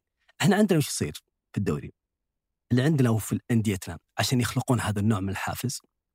تغير المدرب سنة ونص سنتين وتغير الأجواء تخلق نوع من الحافز عند اللاعبين. لذلك نتكلم من عام 1980 حتى الآن ما في نادي من الأندية الخمسة الكبيرة خليني أقول لك. هلال اتحاد شباب نصر أهلي. استمر المدرب عندهم أكثر من سنتين. لا قروس في الأهلي لا ديمتري في الاتحاد ولا رزفان في الهلال ولا فيتوريا في النصر. وقس على ذلك. ما أحد تكلم ما حد كمل الفترة هذه. وهنا يجي دور ولا ينجح أبو علي موسمين ورا بعض. يعني أنا إحصائية مرة طلعت عليها إنه ما في مدرب عندنا فاز بالدوري سنتين ورا بعض. البعض بيقول لك دياز فاز مع الهلال. لكن أتكلم عن موسمين يبدأ الموسم من الجولة الأولى للأخيرة إن موسمين ورا بعض يفوز بالدوري عندنا. بينما برا نماذج كثير. كثير كثير. يعني عندنا تحتاج إنك باستمرار تغير المدرب. واصلا قليل بتلاقي عندنا أصلا مدرب يفوز بالدوري يبدأ الدوري من بدايته إلى نهايته. يعني كثير مرات النجاح يصير لما تغير المدرب في منتصف الموسم عشان تحدث هذه الهزة عند حالة من اللاعبين. حالة من الحافز. أه هي هي كيف كيف تأخذ الفكرة هذه أبو علي؟ واللي حاول بيب إنه يوصلها كثير للاعبين اني كيف أنا يكون لي السلطة الأقوى؟ كيف أنا أكون الرجل الأقوى على كل اللاعبين؟ يعني أنا لما أكون جالس في الدكة أنا أقوى من الكل. لما أنا أمشي كانسيلو في في الشتاء هذا الموسم ومشيه ولا بدون أي خوف حتى من من من ردة فعل لا الجماهير ولو حتى خوف من إني أخسر الألقاب اللي جالس أنافس عليها ما عندي مشكلة. أنا الرجل الاقوى في هذا المكان. وجالس جالس يحاول يخلق هذا الشيء في الفريق جالس يحاول يجدد الدماء. تجي تشوف الهلال على سبيل المثال يعني اللاعبين ما عندهم هذا الحافز في النجاح. أتكلم عن الدكه هو يفرح إنه يلعب في الهلال. هو مبسوط إنه جالس يلعب في الهلال. هو سعيد إنه في برستيج الهلال. هو سعيد على الصعيد الاجتماعي إنه يلعب في الهلال. هو سعيد على على أمور كثيرة إنه يلعب وراضي إنه يكون دكة. ما عنده الحافز إنه يكون لاعب أساسي. هذا من ناحية اللعيبة اللي في الدكة. أما اللعيبة الأساسيين اللي يلعبون في كل مباراة أو النجوم يتعول عليهم في كل مباراة فهم متفاوتين المستوى. في مباريات يطلعون لك في أعلى مستوياتهم في مباريات في أدنى مستوياتهم وفي الأوقات الصعبة اللي يكون عليهم الحماس والشغف والحافز والإعلام تركيز زايد عليهم يظهرون لك في في لحظات التجلي يبدعون لك يحققون لك لقب منجز وصار في في كثير السنوات الماضية مع الهلال والآن بدأ يفقد هذا بدأت تجي فريق الهزه هذه اللي حتى اللاعب اللي عنده الخبرة الكبيرة اللي عنده التجربة الكبيرة اللي عنده هذا الحافز الكبير اللي يجي في فترات في فترات متفاوتة من الموسم صار حتى يفقده في مثل هذه المباريات لما تيجي تطالع في الدكة تلقى لاعبين سعيدين فقط يلعبون في الهلال لا أكثر ولا أقل. شوفوا على موضوع أبو عالية دورة حياة الجيل من لاعبي كرة القدم. يمكن تكون العبارة أدق من نقول نادي كرة قدم. أتذكر بتصريح عظيم جدا لأليكس فيرغسون أنه يسمونهم اللي class 92 الفريق اللي طلع مع بعض جيل 92 اللي هم فيهم عدة لاعبين لكن كان كان رباعي الوسط تحديدا جيكس يسار بكهام يمين والمحاور اللي هم آه، سكولز ونيكي بات. وكان بعدين يلعب معاهم روي كين كان ياخذ آه، مركز أساسي. ففيرجسون له تصريح عظيم جدا. قال الأربعة ذولا طلعوا مع بعض. نقدر نعتبر روي كين قريب لهم في العمر أنه طلعوا مع بعض كانوا يلعبون هم خط الوسط الأساسي. لمانشستر لما فاز بثلاثية 99 وإن كان في كذا واحد منهم غابوا عن النهاية اللي كانت ضد بايرن ميونخ. فقال لك أنا ما أقدر أخليهم كلهم يكبرون مع بعض في الفريق بصير الفريق كلهم شيبان بصير الفريق كلهم متشبعين. فقام ضحى بمين؟ وكانت نظر نظرته دقيقة دقيقة عميقة. جدا. ضحى أبقى الاثنين اللي عندهم قدرة إنهم يكملون بحافز وبجانب بدني أطول فترة ممكن اللي هم سكولز وجيكس ولذلك عمروا في الفريق. ضحى ببيكهام وكين أحيانا أنت لما يكون عندك جيل تاريخي تحتاج تسوي هالشيء. أنا ما أقول لك قصيهم كلهم ولا ما أقول لك غيرهم كلهم. بس حاول إنك تكون ذكي في إنك تعرف تستبدل مين مكان مين. اليوم فكرة تغيير الفريق لما هو أنت قلت إنه قال يغير 50% اليوم عندنا مثال واقعي على ذلك. المباراة أنا أعتبرها من أعظم المباريات اللي أنا شفتها لريال مدريد المباراة اللي قدمها الأسبوع الماضي أمام مانشستر سيتي. في كروس في مودريتش في ديفيد ألابا عنده نجاحات كبيرة مع بايرن ميونخ وفي كريم بنزيما. تكلم عن وفي كارفاخال خمسة. نقدر نعتبر معهم كورتوا. أنه لاعب مثلا عنده يعني وعمره 31 سنة فمتقدم شيء. لكن راح للجانب الثاني في رودريجو في فينيسيوس في فالفيردي في كامافينجا. الشوطين نزلت شواميني السنة الجاية بيضيفون لهم بيلينغهام. كمية لعيبة جوعانين ومتعطشين. يبغون يأكلون العشب عشان النادي عشان هم لانفسهم وعشان النادي ينجح. يعني إذا أنت حققت فترة عظيمة في تاريخك اللي هي ثلاثة Champions League ورا بعض وأربعة Champions League خلال فترة قصيرة اللي هي من 2014 إلى 2018 شلون أجدد هذا الحافز؟ أجيب لعيبة ما عندهم هالنجاحات. اليوم فينيسيوس يحط في باله أنا أبغى أكون هداف تاريخي لريال مدريد. عشان أكون هداف تاريخي لريال مدريد أحتاج إلى عشرة مواسم من ال top عشان أوصل لهذا الرقم. أبغى أفوز بالكرة الذهبية ثلاث أربع مرات. معناته أحتاج أن يكون في ذروة عطائي ثمان عشر مواسم ممكن أطلع منها باثنين ثلاثة. الكرات الذهبية تحطني إي تحطني في تاريخ ريال مدريد. فأنت جبت ناس متعطشة وعندها هذا الحافز الكبير جدا. من الأشياء اللي اللي لاحظتها في الهلال من الموسم الماضي قديش فرق مع الهلال تغيير إيجالو مكان جوميز ليش؟ إيجالو جايك من مسيرة واتفورد لعب في أودينيزي لعب في أسبانيا. يمكن النادي الوحيد الكبير اللي لعب له مانشستر يونايتد وفترة قصيرة وما كان يلعب أساسي. لأول مرة إيجالو وجد نفسه مع فريق يقدر يفوز بالدوري ويقدر يفوز ببطولة قارية وينافس على كل البطولات ولأول مرة يفوز بلقب هداف الدوري لأنه دائم يلعب مع أندية متوسطة ما تساعد إنه يفوز بلقب هداف الدوري. فكانت النقلة من جوميز اللي تشبع واللي عنده نجاحات إلى واحد عطشان وإن كان عمره فوق الثلاثين فرقت مع الهلال كثير في النصف الثاني من الموسم الماضي وفي حتى فترات من هذا الموسم. مو بشرط التغيير إنك تجيب لاعب عمره 20 21 تحتاج إلى لاعب قد يكون لديه نجاحات في مكان آخر. لكن يبغى يصنع نجاحات عندك. لكن لما تجيب لاعب فاز بالدوري أربع خمس مرات وبآسيا مرتين ولا ثلاث مرات تفرق كثير معاه يفوز بها ثالث. مرة ولا الدوري السادس ولا يعني إيه، اتكلم بشكل عام بس في استثناءات. يعني مثلا الآن لما أتكلم عن بيب كل الكلام اللي ينقال عن التحفيز ما يمشي على دي بروين ابدا. هو محفز ذاتيا. في ريال مدريد ما ينطبق على مودريتش هو محفز. في في. في لعيبه هم استثناء. هو قادر إنه في كل موسم يعطيك نفس الأداء. يعطيك نفس الحافز ويعطيك نفس الرغبة. الكلام هذا ما يعني إنه سووا تحديد الكل لهذا الجيل طلعهم كلهم لا. أنت اللي تشتغل معاهم وأنت اللي تشوفهم في التمرين وأنت اللي تجتمع فيهم وتسافر معهم وتعرف عقليتهم ونفسياتهم وش يقول لك قبل المباراة تحس إنه متشبع ولا متعطش تحس تحس إنه مرة يبي ذي البطولة ولا عادي ما هو بنفس الحماس اللي أظهر لك في العام الماضي. أنت اللي تشتغل معه مدرب الأكيد إنك تحتاج تغير. بس تغير مين؟ على مكان مين؟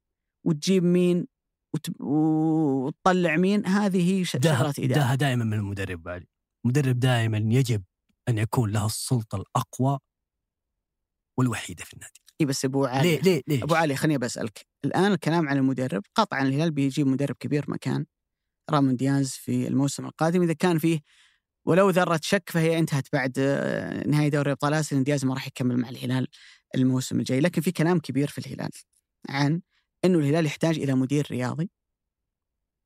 هو اللي يقود مرحلة التغيير الجاية. فأنا أعرف إنك أنت قريت كثير وطلعت كثير على هالموضوع وشفت تجارب أوروبية كثير وبشاركك الرأي يعني قطعا. لكن وش هو المدير الرياضي عشان الناس بس تفهم؟ ولو الهلال فعلا سوى هالخطوة إنه جاب مدير رياضي أعتقد النصر عندهم مدير رياضي صح؟ عندهم مدير رياضي بس هو البرازيلي. إيه بس بس, بس, بس ما أعتقد إنه سوى أشياء كثيرة. لا. وش وش المفروض ان المدير الرياضي أصلا لو جاء انه يسوي؟ طيب دقيقة. شوف كيف تخلق شيء حالة السلطة عند المدرب؟ تخلقها من خلال الإدارة. لما تخلق حالة السلطة القوية عند المدرب تخلق أنت خلينا نقول نموذج ناجح اللاعبين يهابونك. ما يكون السلطة الأقوى في يد اللاعبين زي ما شفنا نماذج كثيرة في تشيلسي على سبيل المثال. دائما اللعيبه أقوى من المدرب. في النصر على سبيل المثال عندنا في الدوري. ولكن نموذج المدير الرياضي هو نموذج غير مستخدم في كرة القدم السعودية ولكن حتى في كرة القدم الإنجليزية ما تم استحداثه إلا في العشر سنوات الأخيرة يعني قبل ذلك كان فينجر وفيرجسون يشوفون هذا ال- هذا ال- manager اللي هو إيه. اللي يسوي كل شيء ليس أنا أسوي كل شيء ما لي ما أبغى ما أبغى أجيب مدير رياضي ليش؟ بس كان نموذج معمول به بقوة في كرة القدم الأمريكية والأمريكان دائما هم النموذج الأنجح على صعيد كل الأعمال سواء التسويقية أو ال- أو الإدارية أو أو أو, أو. وزين إنهم ما هم ملتفتين مرة للكورة. لس- لأن- لأنها ليست مكانهم الأساسي ودهم يكون هم الجزء الأكثر تحريكا ولكن المدير الرياضي باختصار هو هو الوسيط بين الرئيس التنفيذي أو رئيس النادي وبين المدرب. هو الشخص اللي يجمع هذا الفكر هذا الرجلين على سطر واحد. بس معلش هو اللي يختار المدرب ولا الرئيس هو اللي يختار المدرب؟ لا لا أنا أجيك هنا. هو الشخص الوصي على مستقبل النادي سواء بخطط قصيرة المدى أو قصص طو... أو أو خطط حلوة قصص أو خطط طويلة الأجل. فهو المسؤول عن الخطط بغيت اقولها مرة ثانية. عن الخطط القصيرة والطويلة. ليش الخطه القصيرة والطويلة؟ الأندية عندنا لو كانت تملك مدير رياضي بمفهوم المدير الرياضي الحقيقي ما كان على سبيل المثال الهلال جاب جاردين. هل كان يتناسب جاردين مع فلسفة النادي وهوية النادي وهوية الهلال؟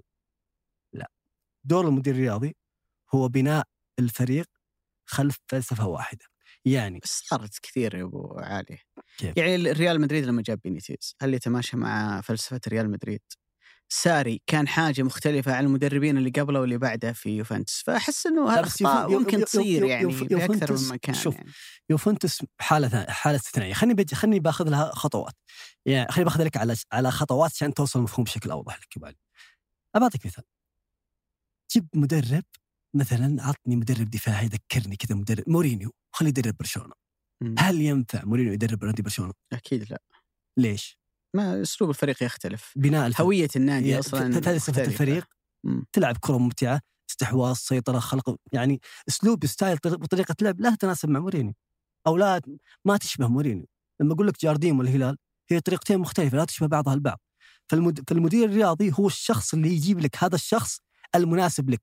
ولما لما تجي حالة تغيير أو الرغبة في التغيير هو اللي يجيب لك البديل الأنسب لك. هو اللي يختار أو هو اللي بالتشاور مع المدرب يختار اللاعبين الأجانب. هو المسؤول عن الكشاف الكشافين أو الكشافة داخل الدوري.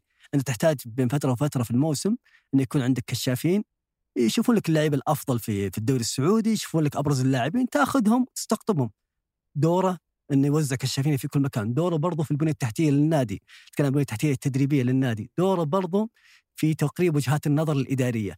تراه تراه مختلف تماما عن مدير الكرة. الناس تظن المدير الرياضي هو نفس مدير الكرة. لا مدير الكرة هو ش... هو مدير الكرة اللي هو الآن خلينا نقول في الهلال سعود كريري هو دوره دور تنظيمي إداري للاعبين الفريق الأول. ما يدخل ابدا في الجانب يسافر مع الفريق ينزل. معاهم التمرين بالطقم الرياضي. إيه، بالضبط. المدير الرياضي واحد لابس بدلة وجالس فوق في المنصة. ودور مكتبي أي. بحت. يعني بالأساس آه، خليني أقول لك ممكن بعد يكون سفريات كثيرة علاقات تكون قوية جدا في في الكشافين وفي وفي ال- المفاوض جدا ممتاز. علاقات قوية أتكلم مع الوكلاء. مفاوض جدا ممتاز ويفهم في الجانب الإداري. هو الشخص خليني أقول لك اللي اللي الفريق أو النادي يرتكز عليه أساسا. ليش؟ لأن أي خلل في المنظومة هو اللي المفروض يربطها. يعني هو المسؤول حتى عن مستقبل النادي. الأكاديمية كيف جالسة تشتغل؟ هل هي تتماشى مع الفريق الأول مع طريقة لعب الفريق الأول؟ هل مخرجاتها تتلائم مع نادي بقيمة الهلال مثلا أو النصر أو الاتحاد أو what فدوره جوهري من ناحية الاستراتيجية العامة وفي اختيار اللاعبين الأجانب في اختيار المدرب. يعني أنت تخيل لو الهلال عنده مدير رياضي هل ممكن نشوف ماريجا في الهلال؟ هل ممكن هل ممكن واحد كويلار والله بس هل ممكن كوي- كويلار يكون في نادي زي الهلال أو يلعب فيها أو في كل لاعب آخر موجود بدل كويلار مثلا هل جارديم بيكون في الهلال؟ هل سيتغير النصر مدربينه في ثلاث في ثلاث مرات في موسم واحد؟ هل سيستمر مع مانو؟ هل سيستهل هل سيأتي بيدرو بعد ثلاث مباريات يمشي وبعدها يجي آه روسو؟ ما راح يصير هذا الشيء، فأنا- هذه العبثية ما راح تصير. أنا بقول وجهة نظر يمكن كثير من الناس ما تعجبهم. أنا أحس إنه الكلام عن المدير الرياضي هو حديث شاعري أكثر من كونه واقعي. ليش؟ لو فرضنا سلمنا إنه الهلال يحتاج إلى مدير رياضي. بنقول من هو المدير الرياضي اللي يليق بنادي بقيمة الهلال وبالأهداف اللي ينافس عليها الهلال هذا الموسم؟ مهم جدا تفهم أبو علي إن المدير الرياضي أفضل أو دائما الأندية إيش تحب يكون؟ تحب يكون لاعب سابق في الفريق. باختصار خلينا نصل خلينا نصل للنقطة هذه. فمين الكفاءة اللي عندك اللي أنت بتحطها في منصب مدير رياضي بالنسبة للفريق؟ أجنبي. من المحليين شوف من المحليين أنا أعتقد صراحة ما فيه. اسم واحد مقنع ليش؟ لأنك تحتاج إلى شخص عامل على الأقل اداريا وعنده يعني علم بتفاصيل النادي وكواليس النادي أو على الأقل اشتغل كمدير رياضي مع فريق أقل. آه، كأهداف وتطلعات ونجح وخذ البروموشن أو الترقية هذه إنه بيروح يشتغل مدير رياضي في نادي الهلال، فما عندنا ولا نموذج ناجح محليا تقدر تقيس عليه، في كثير من الشباب ما عندنا علم هذا مو موجود عندنا بس في. كثير أبو عاليه من الشباب اللي الآن جالسين يضعون الموضوع هذا هدف بالنسبة لهم يدرسون ويأخذون شهادات في الإدارة ويأخذون شهادات تدريب ويحاولون إنهم يبني نفسه إنه مستقبلا يكون في هذا المكان بس إلين نوصل ذيك المرحلة نحتاج وقت. هل أجيب اسم أجنبي؟ أنا عندي مشكلة مع الاسم الأجنبي. كريستيانو رونالدو لما جاء هنا ولعب طلع في المؤتمر اللي كان مع منتخب البرتغال قال أنا تفاجأت بقوة الدوري السعودي.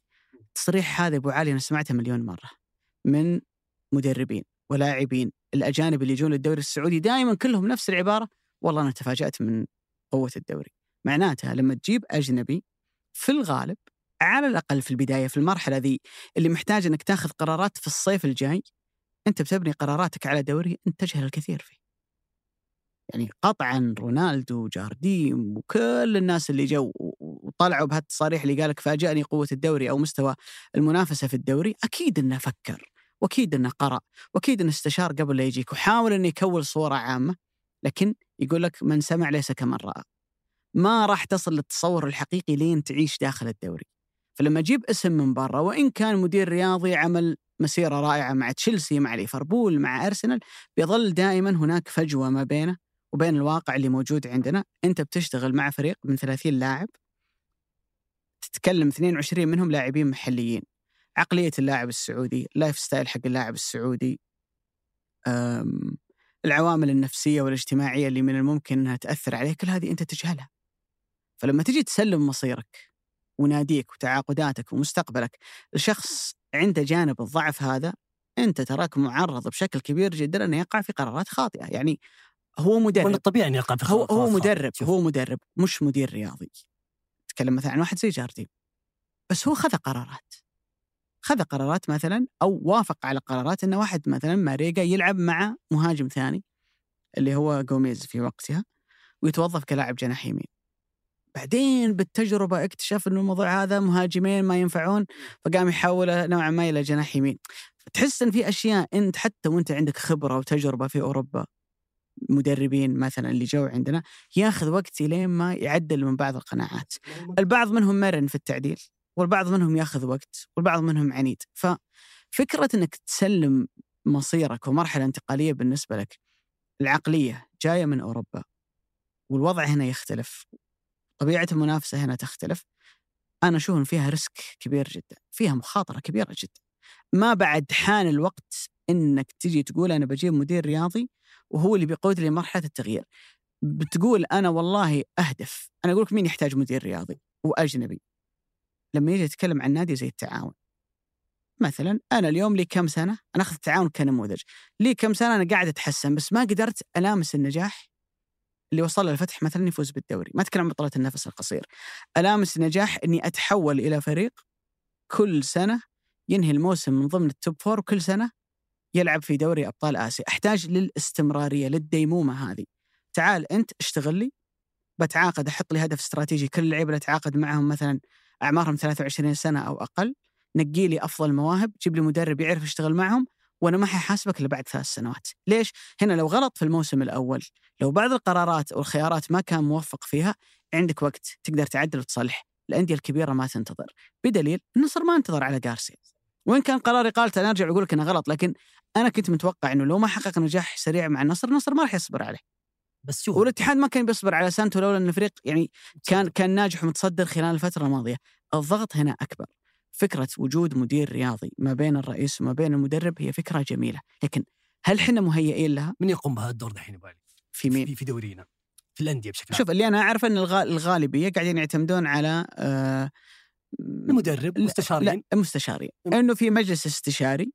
من رؤساء سابقين من أعضاء شرف اللاعبين ممكن لاعبين سابقين ممكن أصدقاء ممكن مدربين حتى أجانب كذا في مثلا شخصية بارزة قاعد يقود النادي مجلس الخاص والله يتردد عليه مدربين وناس فاهمين كورة فياخذ استشارات من كذا مكان. لكن هذا مش عمل مؤسساتي. المرحلة الجاية اللي إحنا بنخش عليها أنا أقول لك أنا مؤمن إن المفروض إن الأندية يكون فيها مدير رياضي بس في هذه اللحظة في الصيف الجاي صيف 23 هل إحنا جاهزين؟ في نادي زي الهلال وبتطلعات نادي الهلال أنا أشوف إنها لو صارت فيها ريسك كبير. طيب أنا شايفها من, أخ... من أكثر من جانب. علي واختلف معك تمام أو جذريا. أيضاً. يختلف خذ راحتك. الأندية عندنا المتوسطه ما عندها نموذج أو طريقة لعب واضحة. يعني خليني اضرب أضرب لك مثال في برنتفورد وفي برايتون. أمتع الأندية اللي ممكن تشوفها في الدوري في في, في إنجلترا هالناديين ذولي. وكلهم عندهم نموذج واضح. برنتفورد نموذج إحصائي يعتمد على ال data لاعبين بمبالغ زهيدة. بعد كذا يحققون نتائج جيدة نسخة ميتلاند في الدوري الإنجليزي. إن- إنه ميتلاند كان هو الثورة في الدنمارك. yes فجو الدنماركيين اللي سووا الثورة هذه قالوا خلينا نشتري نادي في البريمير ليج ونسوي نفس اللي سويناه هناك. بالضبط. ونعكس هذا الشيء. عشان كذا ترى مدربهم دنماركي وفي كلهم دنماركيين دنماركيين. واجد. عكسوا هذا النجاح في في إنجلترا ونجحوا في أصعب دوري. برنتفورد نفس الكلام بنفس برايتون برايتون عفوا. نفس الكلام بنفس أحلى الطريقة. كرة تلعب في إنجلترا أج- وأجمل كرة تلعب في إنج- ليه؟ لأن كل الاثنين ذولي شو العامل المشترك بين الناديين ذولي؟ الرؤساء هؤلاء الناديين بالأساس هم كان عندهم شركة مقامرة تعطي توقعات الناس اللي تبغى تدخل المراهنات في كرة القدم تعطي توقعات لهم من راح يفوز من راح يخسر معلومة استراتيجية حلوة ف- انه أصلا يقول لك ثورة الإحصاء في الكورة صارت عشان المراهنات مو عشان الجمهور يفهم كورة فعلا فعلا عشان, عشان يعني. فعلا عشان النجاحات عشان. يتنبؤون بالنتائج بشكل أدق يعني, يعني رئيس برايتون على سبيل المثال استشار لشركة أن تدفع كل ما تملك من مال على فوز فرنسا على البرازيل في نهائي كأس العالم 98 مم. وهذا فعلا ما صار وتحول بس تراك ما اختلفت معي شركة علي. أخرى. نتكلم هنا عن عن, إيه. عن أندية صاعدة. لأن عشان وأنا قلت لك أتفق معك. في الأ- شوف لو تجي تقول لي بطور ابى اطور الرائد اخليه مثلا يتحسن. بعطيه نموذج. أبى أخلي ابها ولا ضمك خلاص يصير جزء ثابت في الدوري إيه. ودائما ينهي الموسم في النصف الأعلى من جدول الترتيب. بقول لك صح عليك. مو بس الهلال مو- لا مو- قصة ثانية. مو شرط انه ينهي الدوري متقد في المراتب المتقدمه ولكن راح أبني له هوية. يعني مثلا نادي زي الفتح عنده هوية إنه يخرج لاعبين بشكل مستمر للدوري. وكورته دائم هجومية والفتح. المباريات الكبيرة دائما تخلص بنتائج كبيرة يعني مع الهلال النصر وح- وحتى جالس يطلع لعيبة لكل الأندية في العالم في, في ال- في الدوري. نموذج أبها ممكن ما يكون في كرة القدم نفسها ممكن ما يكون في الفريق الأول نفسه ممكن يكون على الفئات السنية. فالأندية الأقل المفروض نموذجها يكون مختلف ربحي لاعبين استثمار أبعد أو أو مختلف تماما عن النموذج الانديه الكبيره الأندية الكبيرة في ظني إن أفضل حل لها أنا أتفق معك إنك صعب تجيب واحد أجنبي وتقول له يلا تعرف على الثقافة تعرف على الطريقة الاجتماع الفكرة الاجتماعية تعرف على طبيعة المشجع السعودي تعرف على طبيعة المنافس في السعودية لما يلعب الهلال في أبها كيف الأجواء تكون لما يلعب أبها في الهلال أو يلعب الهلال في الفتح كيف الأجواء تكون كيف الضغط يكون لما يروح يلعب مع الفتح الطبيعة التاريخية بين الهلال والتعاون على سبيل فاهم الجو العام هذا كله. خليه على جنب. أبو علي أقلها تعالني وأنا قاعد أمر بفترة نجاح. يعني قل الهلال لو عين مدير رياضي قبل سنتين. فتجي أنت بتعيش فترة النجاح اللي الفريق مستقر وعندك كل المقومات إنه ينافس. فلما أجي اليوم إلى لحظة التغيير أنت قطعت معي شوط طويل نوعا ما سنة ونص سنتين تعرفت على كل شيء تتلافى الأخطاء اللي أنت ممكن تقع فيها وبقول لك يلا قود لي مرحلة التغيير الجاية. رح أنت ساعدني في اختيار المدرب ورح أنت ساعدني في عملية اختيار اللاعبين الأجانب. بقول لك أنا okay بس إني أجيبك الحين وخذ قرارات مصيرية بيبنى عليها شكل الهلال السنوات القادمة. بعد تعيينك بأيام لا. هنا- هنا في risk. ولاحظ ابو أبو علي أنا قلت لك ساعدني. لأن تدري الآن وش المشكلة؟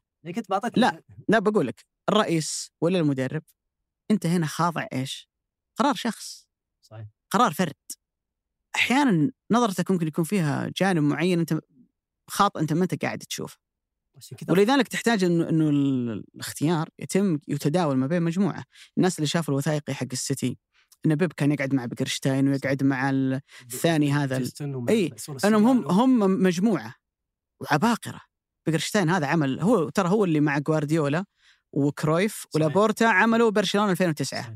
فبعدين أفضل حاجة سوى السيتي إنهم جابوه وهو لاحقا اللي جاب لهم بيب.